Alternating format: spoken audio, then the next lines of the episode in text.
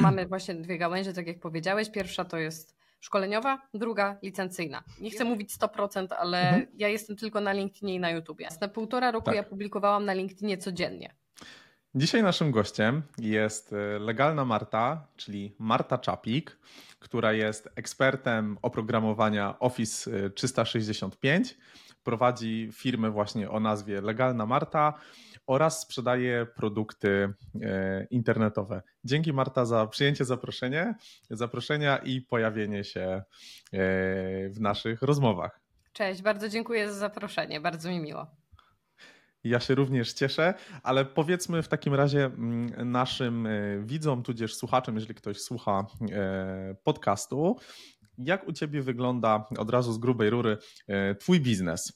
Bo rzeczywiście jakby korem Twojej firmy są szkolenia z Office 365 pewnie większość osób zna to oprogramowanie z tej strony mniej lub bardziej e, legalnej, ale powiedz, jak to u Ciebie wygląda z punktu widzenia biznesu. To są szkolenia stacjonarne, szkolenia online. Wspomniałaś też w jednym z wywiadów, że zajmujesz się sprzedażą licencji, co przerzuciłaś do innej osoby, więc jakbyś mogła tak w dwóch, trzech zdaniach opowiedzieć o tej swojej przedsiębiorczej, e, że tak powiem, historii i, i o tym, co się dzieje. To znaczy, jeżeli chodzi o naszą firmę, to mamy właśnie dwie gałęzie, tak jak powiedziałeś. Pierwsza to jest szkoleniowa, druga licencyjna. Jeżeli chodzi o licencję, to można powiedzieć, że jest to połowa firmy, która jest e, pod wodzą Ilony. Ilona zajmuje się wszystkimi kwestiami związanymi z licencjami, z doradztwem, ze sprzedażą. Ja zajmuję się tą kwestią szkoleniową. Jeżeli mhm. chodzi o szkolenia. Szkolenia z Microsoft 365, jeżeli ktoś nie kojarzy albo nie wie, czym to jest, to zawsze mówię Outlook, Teamsy, OneDrive, SharePoint, to niektórzy już może e, są w stanie sobie tak. przykleić. Teamsy przez pandemię to większość osób powinno znać, więc e, zawsze sprowadzam to po prostu do Teamsów, chociaż to jest mocne mhm. spłaszczenie, bo Microsoft 365 to jest kilkanaście aplikacji połączonych ze sobą, ale nie wchodzimy dzisiaj w szczegóły, bo nie jest to reklama tak. Microsoftu. Jeżeli chodzi o szkolenia, to szkolenia robimy zamknięte i otwarte. Szkolenia zamknięte są dla firm i są to szkolenia, które e, firmy zamawiają u nas, ale nie są to szkolenia pudełkowe. To znaczy, nie przychodzi do nas firma po szkolenie, dzień dobry, poproszę szkolenie z Teamsa, ile to kosztuje? To kosztuje tyle i trwa mhm. na przykład 4 godziny. Tylko faktycznie klient przychodzi i prosi o rozwiązanie jego problemów, czyli ma jakiś konkretny problem, albo biznesowy, albo z procesami, które funkcjonują w organizacji, i wtedy ja przychodzę i rozwiązuję te problemy właśnie z wykorzystaniem tych narzędzi. I to są takie mhm. szkolenia warsztatowe, które mocno pracują na procesach klienta, ale zdarzało się tak, że przychodzili klienci, bardzo mali, którzy mieli właśnie takie problemy powtarzalne. Na przykład zauważyłam powtarzalność pewnej branży, która się u nas pojawiała i stwierdziłam, że nagram kursy online. Więc mam szkolenia, które mhm. prowadzę ja jako trener i są to szkolenia i stacjonarne, i e, online'owe, ale są mhm. też szkolenia, które po prostu nagrałam i sprzedaję jako powtarzalny produkt. Ciężko to zrobić, dlatego że każdy inaczej ma to wszystko skonfigurowane, poustawiane, ale dla małych firm, dla freelancerów na takich domyślnych ustawieniach Microsoft 365 mhm. da się stworzyć taki produkt, który e, w tym podstawowym zakresie będzie w miarę powtarzalny. No tak, bo są jakby wzorce wykorzystania oprogramowania, jakieś takie podstawowe e, sposoby wykorzystania. Jasne, jest to jak najbardziej zrozumiałe. E, wspomniałaś o, mm, o układaniu też jakby tego procesu pod kątem e, klienta. Jakbyś mogła w dwóch, trzech zdaniach też właśnie dopowiedzieć, jak układasz ten, e, ten proces, jak to wygląda? W sensie, bo mówimy o tym szkoleniu właśnie takim budowanym pod klienta. Czyli co, klient wpada, i ty co, wysłasz mu jakąś ankietę, jakiś brief, jakiś, to jest taki training on the job, że po prostu przychodzisz do klienta na jeden dzień, jak to, jak to się odbywa?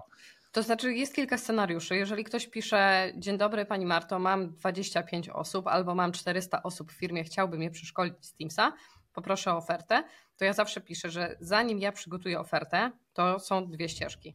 Albo wypełniasz ankietę, w której ja Cię wypytuję o to, co mi jest w ogóle potrzebne do jakichkolwiek widełek, do założenia mhm. jakiegokolwiek schematu na, na to szkolenie, albo jeżeli e, dysponujesz czasem, to spotkajmy się na mhm. 30 minut i porozmawiajmy. Ja wtedy zadam dodatkowe pytania, dowiem się, czego tak. wy tak naprawdę potrzebujecie, jakie macie przyzwyczajenia, z czego korzystacie dotychczas, jaki właśnie jest problem u was i na czym się skupiamy, i wtedy dopiero przygotowuję ofertę. Na podstawie takiego krótkiego zapytania nie jestem w stanie przygotować oferty, bo może się okazać, że jednak wyjdzie coś, czego ten klient nie zakładał. I faktycznie czasami tak się dzieje, że podczas zapytania wygląda to zupełnie inaczej, a Mhm. podczas rozmowy zmieniamy koncepcję o 180 stopni. Okej, czyli jeżeli to jest ten klient właśnie tak jak wspomniałaś, takiej na usługę niepudełkową, yy, to czy stosujesz jakby taki model hybrydowy, że, bo ja tak sobie to wyobrażam, że można by to było tak zautomatyzować troszkę, czy, czy usprawnić, że na przykład masz klienta, gdzie jest jakaś część procesu dotycząca tylko i wyłącznie jakby rozwiązań takich dedykowanych dla niego, ale część takich y, tematów, które są już nagrane w szkoleniu, czyli takie po prostu połączenie tego. Czy myślisz, że to mogłoby jakoś, y, że tak powiem, usprawnić ten proces albo uwolnić trochę Twojego czasu? Czy jak klient już płaci, powiedzmy, y, nie znam Twojego y, cennika pricingu, ale jeżeli płaci tą cenę y, premium za to, że ma tą Martę na miejscu, jest to szko- szkolenie szyte na miarę, to on chce od A do Z mieć wszystko, e, że tak powiem, dla niego szyte na miarę. To jest bardzo różnie, dlatego że nigdy nie zrobiłam dwóch takich samych szkoleń, a tych szkoleń już trochę zrobiłam. I, I faktycznie jest tak, że są klienci o różnych potrzebach. I wyobraźmy Mhm. sobie, że jest firma, która ma 400 osób, mamy na przykład e, 10 dyrektorów, 30 menadżerów i pracowników niższego szczebla. I możemy zrobić to na kilka sposobów. Albo przeszkolić te wszystkie osoby indywidualnie, które są na wyższym szczeblu, żeby tą e, wiedzę cedować niżej, albo możemy podejść e, od dołu, czyli przeszkolić najpierw wszystkich pracowników, a na końcu na przykład zarząd. Ale bardzo często jest tak, że w takich większych organizacjach robimy to właśnie hybrydowo, czyli poza tym, że mamy webinary i warsztaty dla tych osób, to jeszcze dodatkowo nagrania są zamieszczone na ich platformie e-learningowej i oni mają dostęp Okej. do tego cały czas. Dlatego, że podczas czterogodzinnego webinaru robimy to w różnych blokach. To może być godzina, to mogą być dwie godziny, ale jak my się dostosowujemy do klienta, klient chce czterogodzinne, to zrobimy czterogodzinne. I na czterogodzinnym spotkaniu, jeżeli okaże się, że coś komuś umknęło, a to jest bardzo prawdopodobne, bo niektórzy pracują oczywiście w czasie oglądania webinaru, odpisują na maile, odbiorą jakiś telefon, coś im ucieknie, Tak. no to już do tej wiedzy nie wrócą. Ale jeżeli mają wykupiony e, pakiet nagrań, to dodatkowo mogą sobie w dowolnym momencie wrócić do odpowiedniej lekcji, dlatego że wszystkie te nagrania są podzielone na lekcje. Outlook ma akurat 10 lekcji, Teams jest na 25 lekcji podzielony, OneDrive z SharePointem Okej. na 15 lekcji, więc jeżeli ktoś chce wiedzieć, jak udostępniać ekran na Teamsie, to wybiera sobie akurat tę odpowiednią lekcję. Ale poza tym na przykład są organizowane warsztaty i webinary ze mną albo z innym naszym trenerem Mhm. Mm, i wtedy można trenerowi też zadać pytanie na żywo i rozwiązać jakiś problem, bo te nagrania są faktycznie e, zrobione w takim zakresie podstawowym z obsługi funkcjonalności, bez rozwiązywania problemów, a już problemy rozwiązujemy na Mhm. żywo. Także jest Okej. to połączenie, ale to już tak naprawdę Okej. zależy od klienta. Jeżeli nie potrzebuje nagrań, to nie musi ich być. No Jeżeli Tak. chce, może mieć same nagrania beze mnie. To już jest kwestia indywidualna. Okej, czyli, czyli to wykorzystujecie. To powiedz w takim razie, yy, proszę, te kursy online. Yy, to była potrzeba taka rynkowa, bo wiem, bo tutaj yy, wrzuciłaś yy, taki yy, enigmatycznie, że dla pewnej grupy klientów są dostępne te, te kursy online. Yy, Z tego, co się zorientowałem, to są to prawnicy. Yy, Czyli chyba jakieś kancelarie, że po prostu jest jakiś tam podstawowy zakres funkcjonalności. I powiedz mi właśnie, z czego to wynikało, że ten kurs utworzyłaś? Na zasadzie powiedziałaś, kurde, fajnie byłoby mieć kurs, to sobie zrobię, yy, czy bardziej widziałaś po prostu jakby taki pattern, że te się powtarzają te zapytania, że ten obszar, obszary, które poruszasz w trakcie tych szkoleń są praktycznie te same i mówisz, dobra, to to zrobię. To znaczy, trochę, trochę jest coś, coś w tym, co mówisz, dlatego że e, bardzo dużo prawników do mnie pewnego czasu przychodziło. Bardzo możliwe, że jest to spowodowane moją na, nazwą mojej marki, czyli Legalna Tak. Marta. E, niektórzy kojarzą to właśnie z branżą prawną. I prawnicy faktycznie przychodzili do mnie po szkolenia. Były to też większe kancelarie. Do dzisiaj mam większe kancelarie, które, które cały czas szkole. Jeżeli jest to kancelaria 20-30 osobowa, to już są takie większe kancelarie, e, to Mhm. faktycznie jesteśmy w stanie tutaj popracować sobie z zespołem warsztatowo, ale jeżeli przychodzi do mnie radca prawny taki jeden pojedynczy, albo Tak. adwokat, albo jakaś osoba po prostu, która jest z tej branży, ale działa jako, można powiedzieć, freelancer, no to Mhm. w takiej sytuacji taką osobą trzeba się zaopiekować dokładnie tak samo jak firmą, która ma 25 użytkowników, bo dokładnie te same rzeczy trzeba tej osobie pokazać. Tylko, że szkolenie No dla tak. 10 osób będzie kosztowało tyle samo, co szkolenie dla jednej osoby. Więc dla tej pojedynczej osoby może to być po prostu drogo. A dla mnie Tak. będzie to po prostu dużo czasu poświęcone jednej osobie, czyli ja przeszkolę w tym czasie mniej osób. Czyli dla mnie to też nie jest, można powiedzieć, rozwojowe, dlatego że jak przyjdzie do mnie pojedynczy prawnik, to plus minus będzie miał takie same wyzwania jak inny pojedynczy prawnik. Mówię plus minus, tak. bo to się też mocno różni od e, chociażby sektora, bo w prawie to nie jest tak, że każdy prawnik robi to samo, absolutnie nie. Tak. Ale było po prostu bardzo dużo takich powtarzalnych czynności, praca z dokumentami, z umowami, z klientami, wymiana tych dokumentów, czy też właśnie kwestie dotyczące bezpieczeństwa, zabezpieczenia tych danych czy, czy danych osobowych. I zebrałam te wszystkie spójne potrzeby i stworzyłam mhm. kurs dedykowany dla tej grupy, bo faktycznie bardzo dużo osób przychodziło konkretnie z tej grupy. I teraz nawet jeżeli przyjdzie do mnie ktoś na przykład z, jakiejś, e, z jakiegoś biura rachunkowego, czy właśnie jakaś księgowość mhm. mała, to też te kursy im się sprawdzają, dlatego że są to po, podobne czynności.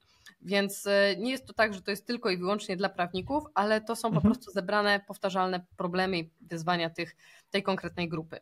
I też okay. stworzyłam drugi, drugi kurs dla innej grupy, i to był kurs akurat dla HR-ów, także jak widzę po prostu powtarzalne, powtarzalne potrzeby, to myślę, że mhm. jestem w stanie to jakoś zebrać.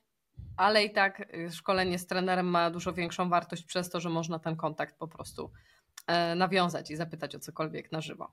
Okej, okay. to czy oferujesz na przykład jakieś takie pojedyncze, płatne konsultacje dla osób, które wykupiły te kursy? Tak, w jednym z naszych kursów rozwij swój biznes Microsoft 365 i to jest kurs premium. I ten kurs zawiera 30-minutową konsultację z trenerem, dlatego że tam jest dużo takich kwestii, które faktycznie czasami warto um, omówić jeszcze dodatkowo z trenerem czy, czy, czy z jakimś konsultantem. I faktycznie ta konsultacja w tym kursie jest dołączona, bo jest tam kwestia dotycząca budowania zespołów, SharePointa, więc już w tym rozszerzonym kursie faktycznie ta konsultacja jest tutaj ważna i potrzebna i mhm. myślę, że osoby, które kupiły ten kurs i skorzystały z konsultacji, to mają mhm. właśnie też taką wartość dodaną. Okej. Okay. I teraz, y, jeżeli chodzi o, mm, że tak powiem, dalszą ekspansję y, Twojej firmy, bo też wspomniałaś tutaj za kulisami, że, że zatrudniasz kolejne osoby, mm, czy upatrujesz jakby szansę i jeszcze jakby potencjał rozwoju w temacie tych y, produktów cyfrowych, żeby sobie y, jakby bardziej to zdywersyfikować, uwolnić trochę czasu dla tych klientów właśnie, tak jak wspomniałaś, y, mniejszych, czy takich solo przedsiębiorców, czy, czy raczej to odpuszczasz po prostu i, że tak powiem, jak za jakiś czas się pojawi, znów dostrzeżesz takie powtarzalne problemy w jakiejś niszy, to wtedy znowu przygotujesz taki, taki produkt. To znaczy, na ten moment myślę, że kurs dla prawników wymagałby odświeżenia, więc e, bardziej poszłabym w kierunku aktualizacji tego, co już jest, niż e, szukania nowych nisz i nowych rynków. Ale mhm. jeżeli faktycznie pojawi się coś takiego powtarzalnego, to nie wykluczam, że, że nagram kolejny kurs, ale okay. kurs jest bardzo angażujący i bardzo czasochłonny. Dlatego, tak. że oprócz tego, że ja to nagram, to musi być też dobrze zmontowane. E, mam teraz też nowy, nowy pomysł, jak w ogóle nagrywać i prowadzić szkolenia, także będzie na pewno coś nowego, coś się pojawi, mhm. E, ale jeżeli chodzi o nasz zespół, to zespół będzie rósł w siły sprzedażowe, więc podejrzewam, że tych produktów cyfrowych będziemy sprzedawać więcej, dlatego mhm. że no, mój czas jest też ograniczony. Mamy tak. oczywiście tak. Zespół, zespół trenerski i też będziemy tutaj rozwijać się w tym zakresie, żeby mieć kolejnych trenerów jeżeli będzie taka potrzeba, więc jeżeli będą, będą firmy zainteresowane szkoleniami. Bardzo mhm. prawdopodobne, że w pierwszej kolejności będą dostawali propozycje, słuchajcie, tutaj są nagrania, a w drugiej kolejności będzie nasz czas, dlatego że tego czasu po prostu jest coraz mniej. Dlatego tak. dodatkowe osoby nas po prostu wesprą tutaj sprzedażowo. Tak, czyli, czyli klasyczny jeden z problemów rozwiązany właśnie z produktami cyfrowymi, czyli problem przedsiębiorców z produktami cyfrowymi, czyli właśnie dużo klientów, brak czasu, no nie, nie, nie sklonujemy się. E, jest jeszcze jeden taki problem, który ja gdzieś tam identyfikuję i w takich dużych tematach z dużymi firmami, z dużymi podmiotami e, gdzieś tam zidentyfikowałem, to są terminy płatności. I pytanie, y, jeżeli możesz y, uchylić tutaj rąbka tajemnicy, to jak u ciebie to wygląda? Bo kursy są o tyle fajne, że możemy wziąć płatność z góry, i tutaj nie ma tego problemu. Jak wygląda to w przypadku właśnie takich szkoleń dedykowanych? Czy ty znaczy... bierzesz jakąś przedpłatę, jakiś model typu, nie wiem, 30% za przygotowanie w ogóle, badanie potrzeb klienta? No bo z tego, co mówisz, to jest bardzo czasochłonne. No i ja też przygotowując oferty dla klientów, jeżeli robimy tego, nie robimy tego formatką i po prostu podmiana nazwy firmy, ceny i tak dalej, tylko rzeczywiście te potrzeby są analizowane, to to jest masa czasu. Tak, przygotowanie oferty mi zajmuje dwie godziny, plus rozmowa z klientem pół godziny, czasami godzina. Analizowanie tak. ankiet to jest naprawdę bardzo dużo czasu i to nie jest, ja za to nie pobieram żadnych opłat. Okej. Okay. Dopiero klient płaci po szkoleniu i to jest też ciekawe, o. że od kilku lat, jak robię te szkolenia, to nie mhm. wzięłam przedpłaty. Tutaj okay. uchylam rąbka tajemnicy, tak. ale mam osoby, które, z którymi to konsultowałam, osoby, które się zajmują finansami na co dzień, powiedziały, mhm. że mam brać przedpłatę, ale stwierdziłam, że musiałabym przekonstruować moją umowę, żeby mhm. tam też zawrzeć odnośnie przedpłat, odnośnie zwrotów i tak. stwierdziłam, tak. że w tym modelu, w jakim, w jakim pracuję, jest ok i nie miałam nigdy żadnego problemu z tym, że ktoś mi nie zapłacił, nigdy się nie spotkałam z nikim na drodze sądowej. Nigdy nie miałam żadnych problemów też z dużymi opóźnieniami, jeżeli chodzi o szkolenia, mhm. więc y, jest to tak, że po prostu szkolimy, po szkoleniu wystawiamy fakturę za całość. Więc y, można powiedzieć, że całkiem y, wygodne dla klienta, tak. bo płaci dopiero po wykonanej usłudze. E, dla nas to, to nie jest problem, bo płynność finansową mamy i tak zachowaną. A jeżeli na przykład są to długofalowe współprace, jak na przykład podpisujemy kontrakty na rok do przodu, no to rozliczamy mhm. się po prostu na koniec miesiąca, czyli cały miesiąc my szkolimy, na koniec miesiąca mhm. wstawiamy tak. fakturę. Tak. No i to, co powiedziałeś o terminach płatności, to czasami się zdarzy, że jest termin płatności 30 dni, no i mamy pieniądze za dwa miesiące, a pracę już zrobiliśmy. Tak, to, to właśnie też tego doświadczałem i właśnie dlatego te produkty cyfrowe są takie, myślę, fajne, bo nawet jeżeli one nie są e, jedynym źródłem, żeby przechodzić tylko na ten model, bo no nie każdy biznes, umówmy się, da się, da się w takim modelu zrobić, na przykład tak jak twoja, gdzie klienci potrzebują ciebie, zbadania ich procesów, poznania i dostosowania tego szkolenia produktu pod nich, to to właśnie może zapewnić bardzo fajny cash flow. Dlatego też pytałem właśnie pod tym kątem rozszerzenia trochę tych produktów cyfrowych.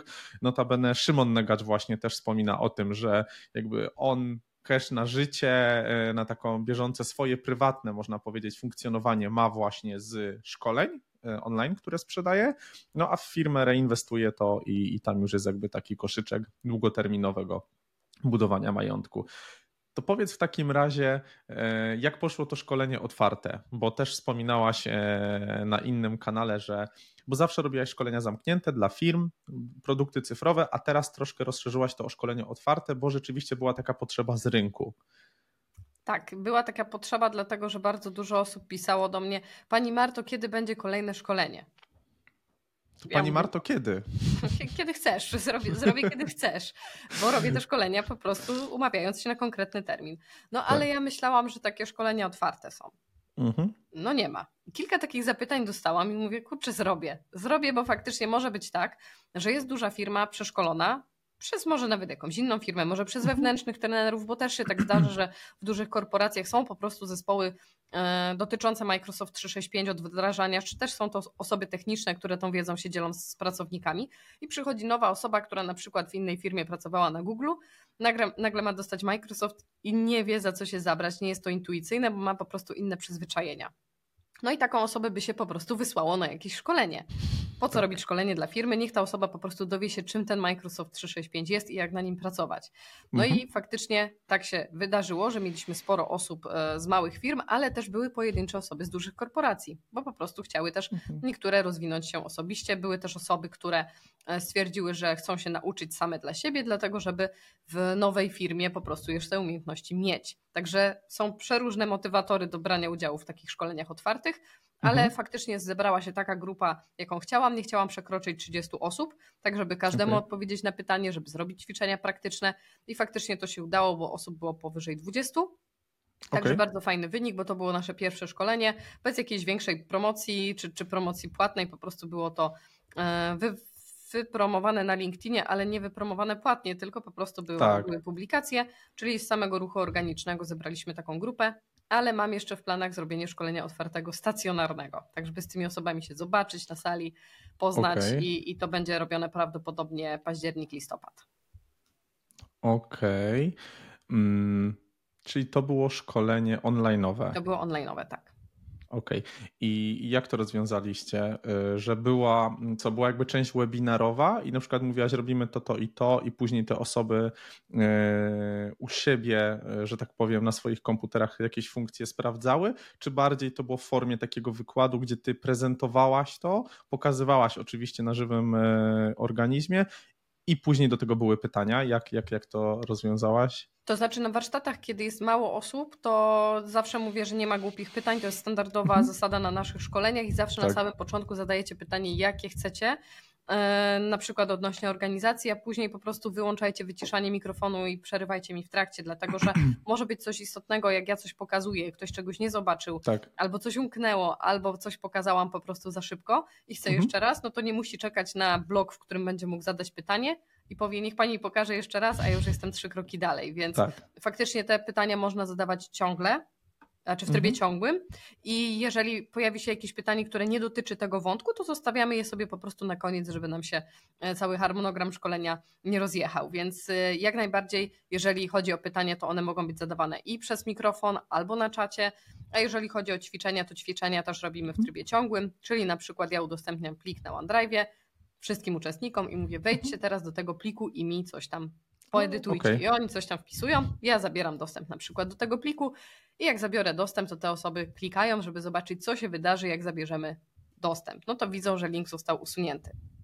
Udostępniam okay. na przykład w trybie recenzji, oni widzą, że mogą nanosić e, proponowane zmiany i komentarze, ale nie mogą wprowadzać tych zmian, czyli niczego mi w pliku nie zepsują, czyli można powiedzieć uczestniczą razem ze mną w tym szkoleniu, tak, tak żeby tego też doświadczyli. Mhm. Czyli to nie jest tylko oglądanie, tylko to jest taki aktywny udział też w tym szkoleniu. To dlatego mi zależy, żeby to były mniejsze grupy, bo jakby 300 mhm. osób nagle kliknęło w link, komuś by coś wyskoczyło, komuś by coś nie wyszło. Tak. Ja bym musiała nad każdą osobą się pochylić, bo nigdy nie mówię, że na przykład a to sobie musisz z tym poradzić i wróć jak sobie poradzisz, okay. tylko faktycznie y, chcę się jak najbardziej wszystkimi zaopiekować i, i te małe grupy są tutaj kluczowe.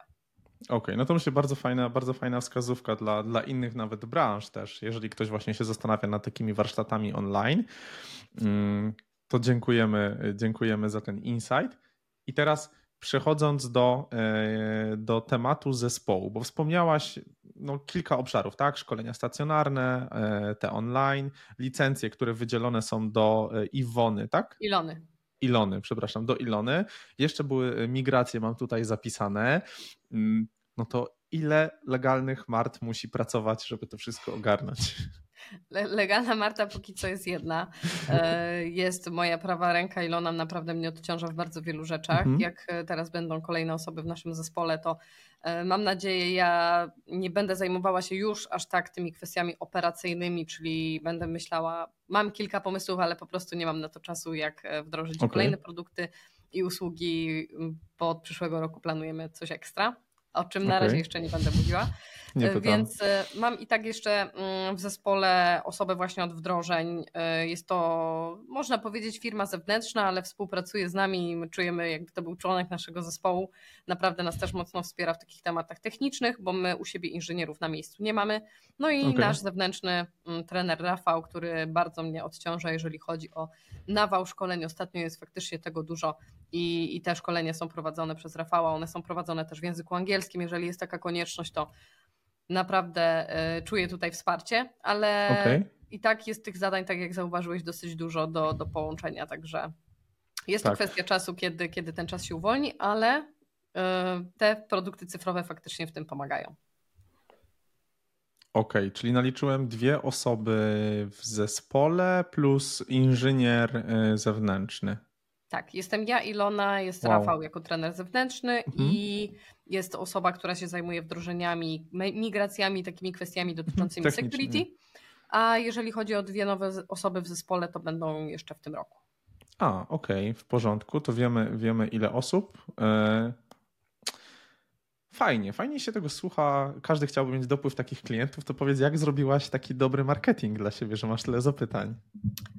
E, to znaczy, ja tworzyłam filmy od samego początku i, i te mhm. filmy są tak naprawdę taką dźwignią, dlatego że ja tworzyłam na początku na, na YouTubie i na LinkedInie i tak naprawdę ten YouTube i LinkedIn został i nie chcę mówić 100%, ale mhm. ja jestem tylko na LinkedInie i na YouTubie. Kiedyś mówiłam, że mam 100% e, klientów z LinkedIna, ale teraz już mhm. są też z rekomendacji, z poleceń, więc y, ten procent się po prostu zmniejsza, ale tak. nie ma mnie na razie, bo nad tym mhm. też będę pracowała i, i to się zmieni w najbliższych miesiącach. Na ten moment y, nie ma mnie nigdzie w żadnych AdWordsach, y, w żadnych płatnych reklamach sponsorowanych, mhm. nie wyświetlam się nigdzie w żadnych miejscach, gdzie są reklamy czy to okay. na Facebooku, czy na Instagramie. Tego nie robię. Kiedyś robiłam to sama, jeżeli chodzi o płatne mhm. reklamy na Facebooku, ale nie było z tego dużego odzewu, bo po prostu ja też nie jestem specjalistą od reklam i od marketingu, więc okay. To sobie wyklikałam, tak można powiedzieć, na czuja, bo się na tym okay. po prostu nie znałam, więc może dlatego też nie było efektów. Nie mówię, że reklamy na Facebooku nie działają, bo pewnie w niektórych tak. branżach tak ale jeżeli chodzi o zasięgi organiczne, to one mi na ten moment wystarczają na tyle, że mam stały dopływ klientów i oni przychodzą po prostu do mhm. mnie cały czas. Także nie, okay. nie, nie zdarzyło się jeszcze, że, że musiałam złapać za telefon i podzwonić i, i poszukać klientów, bo ten napływ jest cały czas. Okej. Okay. Ile czasu minęło od momentu rozpoczęcia publikowania e, na LinkedInie do jakichś pierwszych zapytań na tym kanale i ile czasu minęło od pierwszego wideo na YouTubie do momentu, kiedy e, pojawiły się jakieś zapytania biznesowe, bo też e, gdzieś tam znając trochę Twój background, wiem, że mm, Ty wspominałaś, że no dosyć długo tworzyłaś te filmy, chyba z półtora roku, zanim w ogóle założyłaś działalność swoją.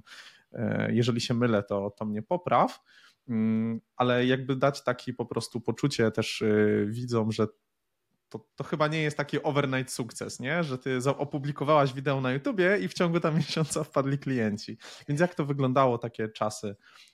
To, to półtora roku faktycznie się przewijało, ale ja to poukładam w takim razie, żeby to było jasne. Półtora roku tak. ja publikowałam na LinkedInie codziennie.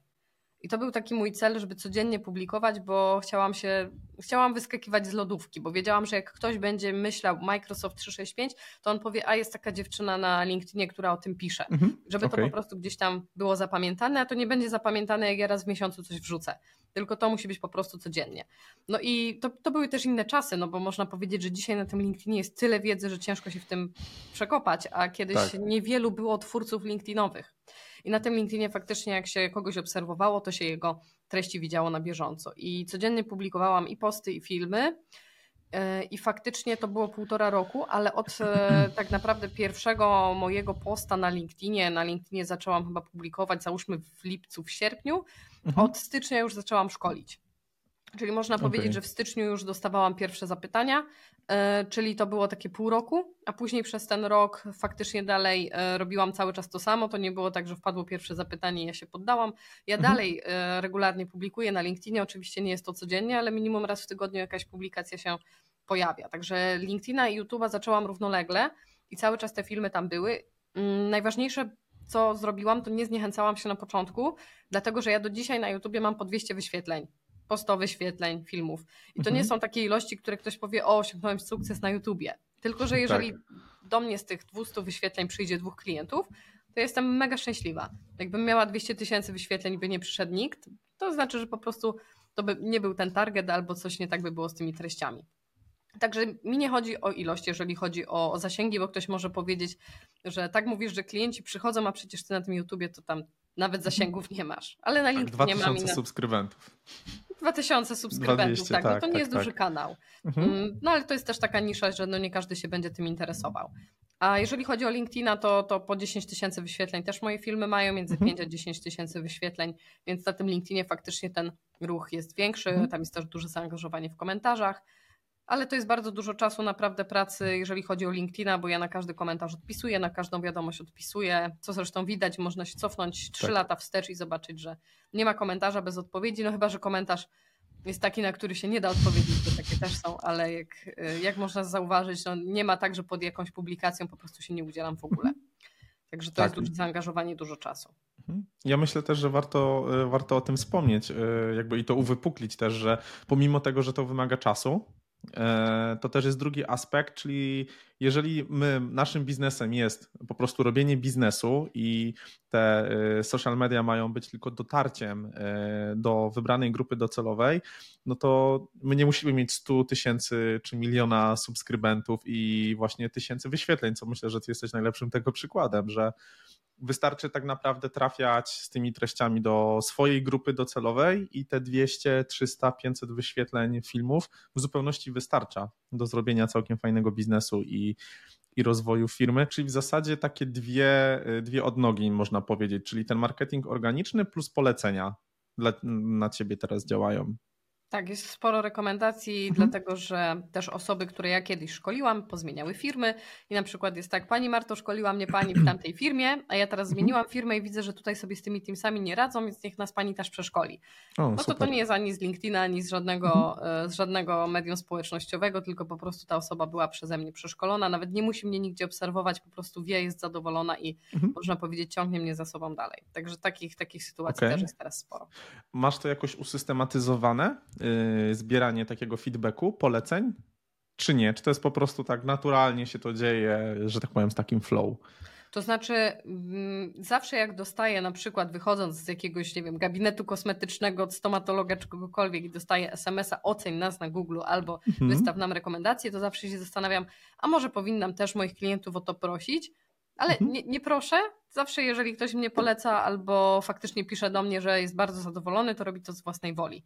E, nigdy okay. nie jest tak, że ja się pytam, jak ci się podobało, ktoś napisze, że tak było fajnie, ja wtedy się cieszę, bo dostałam rekomendację, tylko zawsze to wychodzi jakby od klienta, ale, okay. ale taki system rekomendacji też mam na mojej mapie, żeby to wprowadzić, żeby po prostu o te rekomendacje pytać. Wiem, że to jest ważne, wiem, że to też przyciągnie inne osoby i że to jest też taki, taki społeczny dowód, że to faktycznie się udało i hmm. że, że jest na to po, potwierdzenie i że stoją tak. za tym inni ludzie ale no po prostu napływ klientów sprawia, że nie ma na to w tym momencie czasu, ale, ale mam nadzieję, że ten czas w przyszłości znajdę. No to wiesz co, ja myślę, że każdy chciałby mieć bardziej taki problem z napływem klientów niż e, szukaniem właśnie sposobów na, na e, jakby poprawienie tej, tej oferty. Natomiast no jak się będzie, wiesz, zespół rozwijał, to myślę, że, że takie mm, rozwiązania są fajne do wprowadzenia, bo to są takie rozwiązania, można powiedzieć, systemowe, czyli raz to ustawisz, jakieś właśnie zbieranie feedbacku, opinii i tak dalej i to w miarę gdzieś tam w proces można, można wpleść. E, jesteśmy przy temacie marketingu. No i, że tak powiem, e, ja kiedyś Cię kojarzyłem, e, chyba właśnie z, z wideo na YouTube. Natomiast wypłynęłaś w PP, w kanale biznesowym, w, w, innych, w innych wywiadach i powiedz proszę, jak to się przełożyło na Twój biznes, te, te, te wywiady? Czy w znaczy, ogóle się przełożyło? Czy, ja w podcastach brałam udział od, można powiedzieć, samego początku, bo od trzech lat jestem gdzieś goście, gościem w podcastach. Mhm. W różnych miejscach się pojawiałam, może po prostu po pojawieniu się w przygodach e, to tak wystrzeliło, no bo tam mam chyba z 70 mhm. tysięcy wyświetleń, więc to tak, jest sporo. Jest... E, nie był to podcast, w którym ja mówiłam o sprzedaży i w którym ja mówiłam o tym w ogóle czym się zajmuję, tylko mówiłam po prostu o sobie, o swojej historii. Tak. Więc e, to nie był podcast zrobiony po to, żebym ja sprzedała. Ale odzew był ogromny właśnie dlatego, że przyszło bardzo dużo osób pogratulować. Powiedzieć, że bardzo fajny mm, podcast wiadomości miałam, mogę liczyć w setkach, bo te wiadomości spływają do dzisiaj.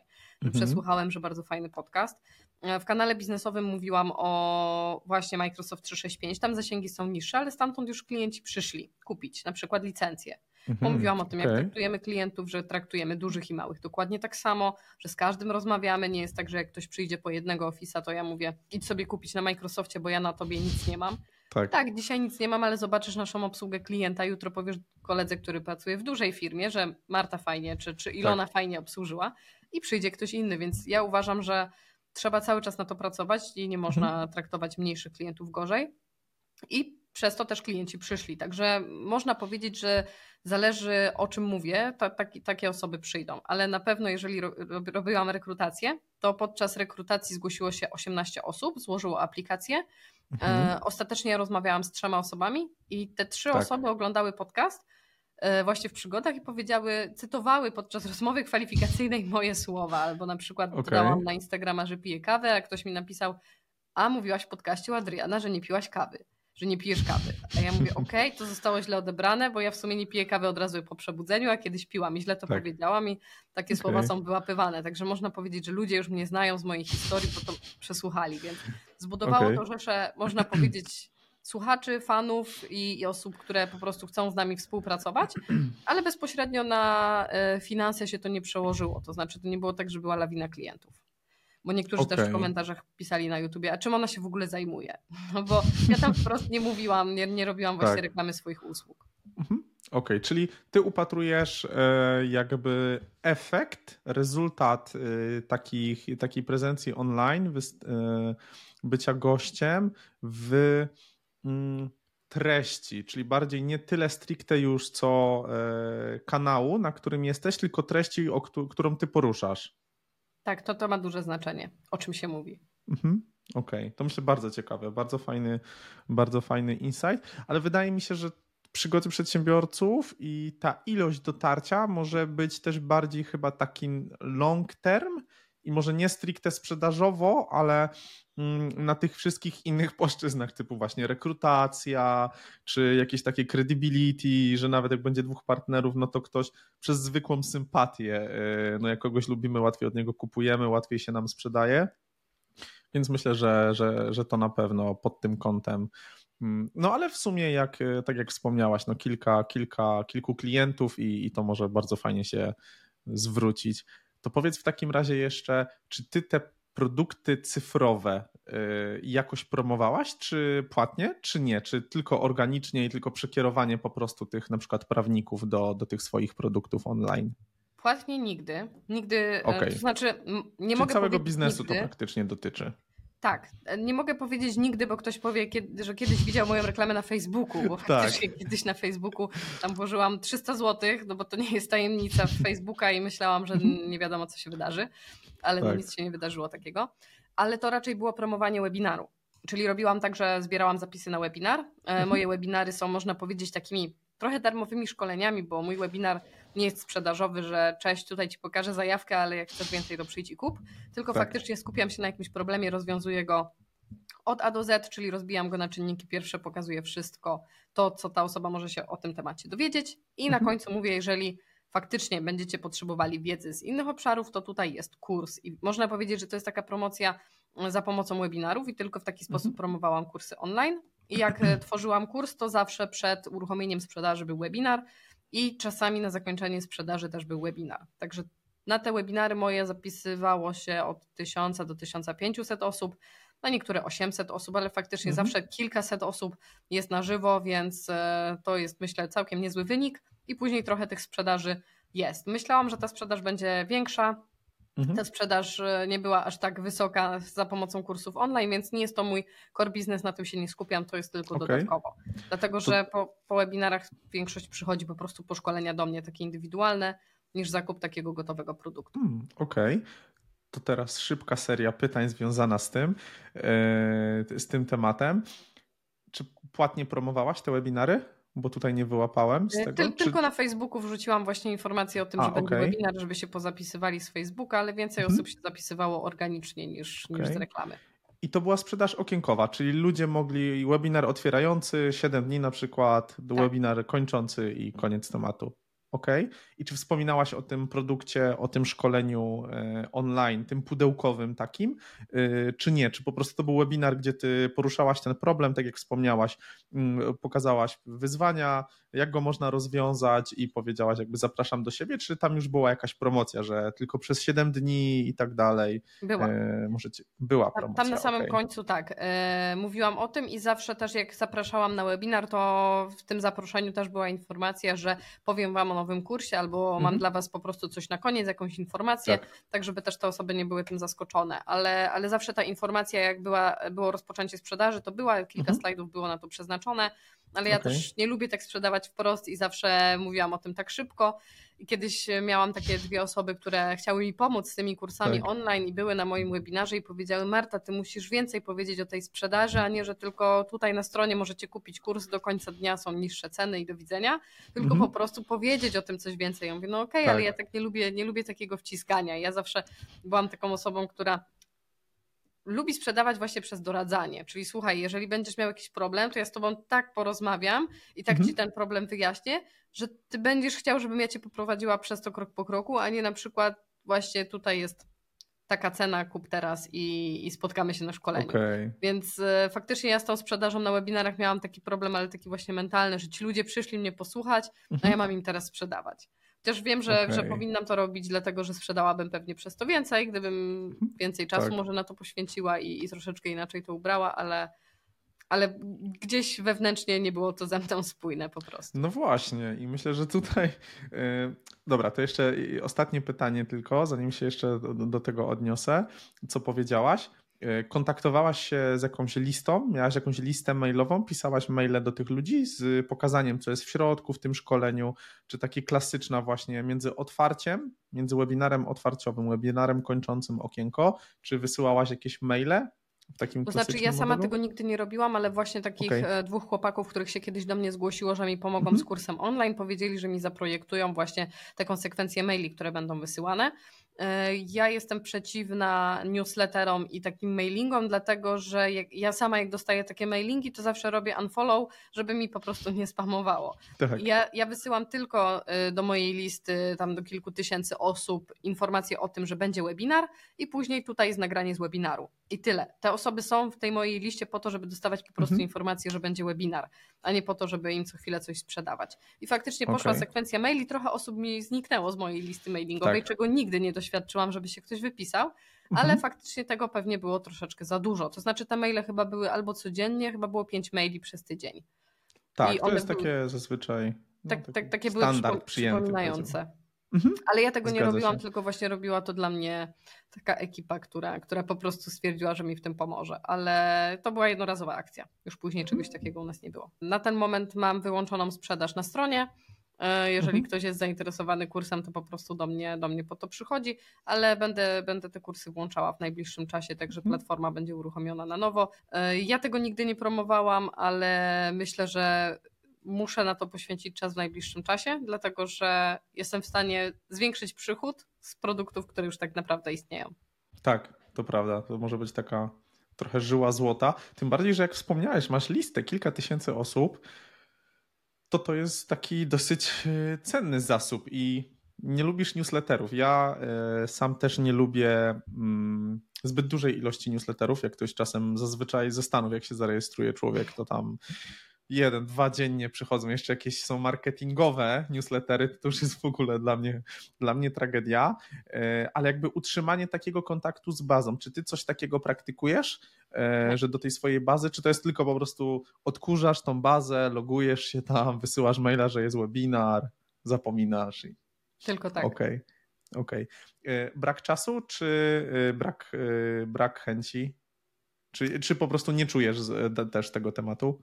To znaczy, tak jak mówiłam, ja mam tą, tę bazę tylko w tym celu, żeby faktycznie wysyłać okay. informacje o webinarach i jak ktoś się zapisuje na mój webinar, to, to wie, że nie będzie dostawał za chwilę spamu i nie boi się okay. zostawić maila.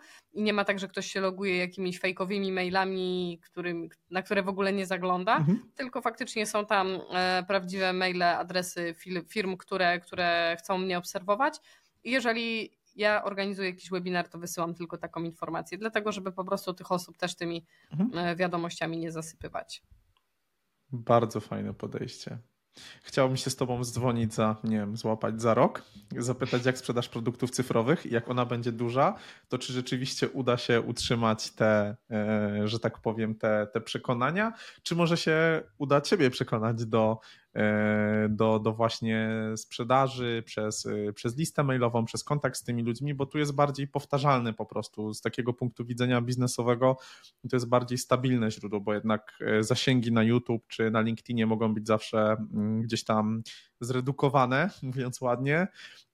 Jednak no jak masz listę i te osoby na tej liście, no to zawsze możesz się z nimi kontaktować. Natomiast no kwestia wartości, którą tam dajemy, no myślę, że w Twoim przypadku to, to nie byłoby problemem, bo jesteś bardzo etyczną osobą, na tyle, na ile Cię poznałem. E, no i kwestia właśnie tej częstotliwości, no nie? Więc, więc myślę, że to by mogła być fajna dźwignia, ale, ale to, to zostawiamy ten temat. Mamy 45 minut na liczniku, więc myślę, że możemy przejść do, do, do kolejnych pytań, już tych naszych końcowych. Powiedz w takim razie, z jakich trzech narzędzi korzystasz e, na co dzień i widzowie mogliby wykorzystać u siebie. Dopowiem, że fajnie by było, jakby to nie były rozwiązania stricte yy, office'owe 365, ale oczywiście, no jeżeli z nich korzystasz, to słuchamy. To znaczy tak, jeżeli chodzi o sam pakiet Microsoft 365, to myślę, że jest oczywiste, więc o tym nie będę mówiła. E, okay. Podzielę się czymś, czym się zazwyczaj nie dzielę, czyli e, jeżeli chodzi o nagrywanie filmów i mhm. montowanie filmów, korzystam z aplikacji Camtasia Studio od TechSmith, więc to jest mhm. mało popularna aplikacja w ogóle w Polsce. E, z tej aplikacji korzystam, w niej, w niej montuję, ale dlaczego nie mówię tego tak wprost, bo ostatnio montuje mi Ilona. I gdzieś ostatnio okay. powiedziałam właśnie, że wszystko montuję sama, wszystko nagrywam sama. A Ilona mówi, przecież ja ci montuję i robię napisy i taka jest prawda, także nie mogę powiedzieć, że robię to sama, ale miałam okay. na myśli, że nie robi mi tego żadna ekipa filmowa, ani tak. żaden zewnętrzny montażysta, tylko wszystko robimy po prostu we własnym zakresie. I, I to jest właśnie aplikacja, bez której nie wyobrażam sobie dzisiaj pracy. Mhm. Więc to jest jedno narzędzie. E, tak. Jeżeli chodzi o narzędzie do wysyłania mailingu, to na pewno tutaj byłoby to ważne, jeżeli robiłabym newslettery. Na ten moment tak. E, mam aplikację, znaczy korzystam z MailChimpa, ale mhm. będę prawdopodobnie zmieniała, um, dlatego że MailChimp przy takiej ilości maili już po prostu jest dosyć drogi. Ja przy organizacji webinaru, żeby wysłać e, maila, muszę zapłacić tam kilkadziesiąt euro albo dolarów, jakoś tak, żeby wysłać mhm. po prostu maila a nie opłacam tej bazy cały czas, no bo ja nie robię newsletterów, więc po prostu no tak. jak, jak robię webinar, to muszę to zapłacić, żeby móc wysłać mailing, więc podejrzewam, że tak. będę zmieniała, ale to jest też pieśń przyszłości, więc tutaj pro, program do, do mailingu czy, czy jakieś narzędzie na pewno też, też jest ważne. Mhm. Jeżeli chodzi o trzecie, zastanawiam się, czy Canva będzie dobrym przykładem. E, mhm. Mam Canwę oczywiście płatną, to jest ciekawostka. Mhm. Jestem legalna Marta, więc czytałam umowy licencyjne wielu produktów. E, I na przykład Canva nie jest mm, legalne, żeby wykorzystywać ją komercyjnie, bezpłatnie. Bardzo wiele materiałów, jakichś e, speców od marketingu, czy nawet osób, które zajmują się właśnie grafiką, czy projektowaniem stron, piszą: róbcie sobie grafiki w Canwie, bo Canva jest darmowa. Absolutnie nie. Canva nie jest darmowa do wykorzystania komercyjnego. Mhm. Jeżeli prowadzisz biznes i chcesz robić grafiki biznesowe, to musisz za Canvę tak. zapłacić. To jest w umowie napisane. Mhm. Więc ja korzystam z Canvy płatnej, mam dostęp do kilku milionów różnych ikon i tak dalej i to mi naprawdę pomaga, bo wszystkie tam na przykład miniatury na YouTube robię sobie w Canwie, więc to są takie e, narzędzia, które, mhm. które mi pomagają. A jeżeli chodzi na przykład o bezpłatny program do montażu filmów, to jest DaVinci Resolve. E, kiedyś z niego korzystałam i DaVinci też przeczytałam całą umowę licencyjną. Jest możliwy do użytku komercyjnego za darmo. I tutaj tak, okay. 100%. Więc jeżeli chcecie się zajmować e, produkcją filmów albo chcecie sobie coś zmontować, DaVinci mhm. jest bardzo zaawansowanym programem, to znaczy da się tam bardzo dużo zrobić i można go wykorzystywać za darmo, dlatego że oni mają biznes gdzieś indziej. Oni sprzedają takie wielkie urządzenia do montażu tak. filmów e, i one kosztują tam setki tysięcy, więc oni zarabiają sobie po prostu w innym miejscu, a program mają darmowo udostępniony. Także jest sporo tych narzędzi do, do wykorzystania. To są takie, z których mhm. ja korzystam na co dzień. I myślę, że mogę je polecić z ręką na sercu. Jak powiedziałaś o tym montażu, e, to nasunęło mi się jedno pytanie. Ile godzin dziennie pracujesz? Jak wygląda Twój dzień? Tego nie było, ale zaplanowanego, natomiast no jest tyle aktywności i jestem ciekaw, bo e, powiem tak w skrócie. Mm, jak się ogląda YouTube'a, e, YouTube, YouTube'a, nieważne, jak się ogląda YouTube, to ma się wrażenie, że każdy optymalizuje swój czas, wstaje rano, koktajl, e, poranne ćwiczenia, medytacja, dziennik uważności, e, spacer po trawie z rosą, no i zaczynamy pracę o 10, o 12 przerwa na, na, na brunch, potem sił, o dokładnie, na jogę, jakiś trening siłowy, potem kolejny posiłek jak się rozmawia z, z osobami prowadzący biznes, prowadzącymi biznes, to rzeczywiście każdy stosuje jakieś tam haki właśnie, typu nie pije rano kawy, e, czy, czy ma tam jakieś takie rutyny, ale jednak ten dzień zaczyna się po prostu stosunkowo wcześnie, e, no też nie jest często taki modelowy i jak to wygląda u ciebie? E, staram się spać znaczy staram się. Chciałabym sypiać 8 godzin, staram się spać mhm. 8 godzin, ale wychodzi to tak około 7 czasami niecałe 7, ale i tak to jest znacznie lepiej niż kiedyś, bo ja kiedyś bardzo, bardzo mało spałam, ale wiem, że regeneracja jest bardzo ważna i teraz stawiam na ten sen. E, staram się, cały czas mówię staram się, bo ja nad tym pracuję. E, tak. To nie jest tak, że ja to robię i codziennie mi to wychodzi. Mhm. E, nie, nie sypiać z telefonem, nie zasypiać z, z żadnym ekranem. I na pewno lepiej mi się śpi, kiedy wieczorem medytuję, czyli zasypiam po prostu z medytacją, włączam sobie coś do snu. Ale to są takie rzeczy, które zaczęłam stosować niedawno. E, mhm. A jeżeli chodzi o czas pracy, to najczęściej zaczynamy o 8, a jak wychodzę z biura, to jest bardzo różnie, dlatego że właśnie czasami mm, też w trakcie dnia mam jakąś, jak, jakieś zajęcie typu, nie wiem, paznokcie czy fryzjer, bo to są rzeczy, które ja jak jeżdżę do klientów, to muszę zadbać też o takie rzeczy tak. estetyczne, tak. które czasami fryzjer zajmuje mi 3 godziny, czasami mm, paznokcie zajmuje mi półtorej godziny i to też czasami po prostu jest w trakcie dnia. Więc ja mogę powiedzieć, że siedzę w biurze do 19, ale mhm. mam na przykład w trakcie przerwę na coś innego. Jakby tym momencie jest to mm, tak elastyczne, że jak ja potrzebuję, to po prostu w trakcie dnia jestem w stanie sobie ten czas wygospodarować, ale faktycznie Ostatnio nie wychodzę z pracy tak o 16. Tak jak zawsze mówię, mhm. że firma pracuje od, od 8 do 16. Tak. I jak pracownicy pewnie będą pracować, to, to, to ja faktycznie siedzę, siedzę mhm. dłużej. Czasami po prostu wieczorem sobie jeszcze coś przeczytam. Jak mi wpadnie jakieś pytanie, na przykład na LinkedInie ktoś zapyta, Pani Marta, da się zrobić w planerze to, to i tamto? No to ja od razu wchodzę i klikam. Nie jest tak, że ja zostawiam sobie to na 8 rano. Publikacje zawsze na LinkedIna dodaję przed 8, czyli zawsze 7.20, 7.30. Piszesz je rano też, tak? Um, najczęściej piszę sobie je dzień przed, mhm. ale czasami zdarza się, że piszę rano, no to o 6.30 muszę wstać, żeby ta 7.30 publikacja y, była gotowa. Czyli godzina na, na taką publikację. Godzina na publikację, bo muszę dodać film na YouTube'a, dodać napisy do filmu i dodać miniaturę. To musi się wrzucić na YouTube'a, później dodaję też na LinkedIna, też film, miniatura, napisy, do tego post, więc całe, całe to publikowanie po prostu zajmuje mhm. trochę czasu napisanie publikacji też. Także okay. jest to na pewno godzina od rana. Kiedyś robiłam to codziennie i spędzałam na LinkedInie 4 godziny dziennie. Teraz jest to trochę mniej, ale no przez to, że ja zawsze odpisuję na te komentarze i na wiadomości, no to ten mój czas pracy można powiedzieć, że wygląda. Wy, wygląda to tak, że ja nie, że ja pracuję przez cały czas, tylko po prostu ja w niektórych momentach łapię za ten telefon i odpisuję na wiadomość. Mhm. Ale robię to czasami między po prostu różnymi innymi aktywnościami.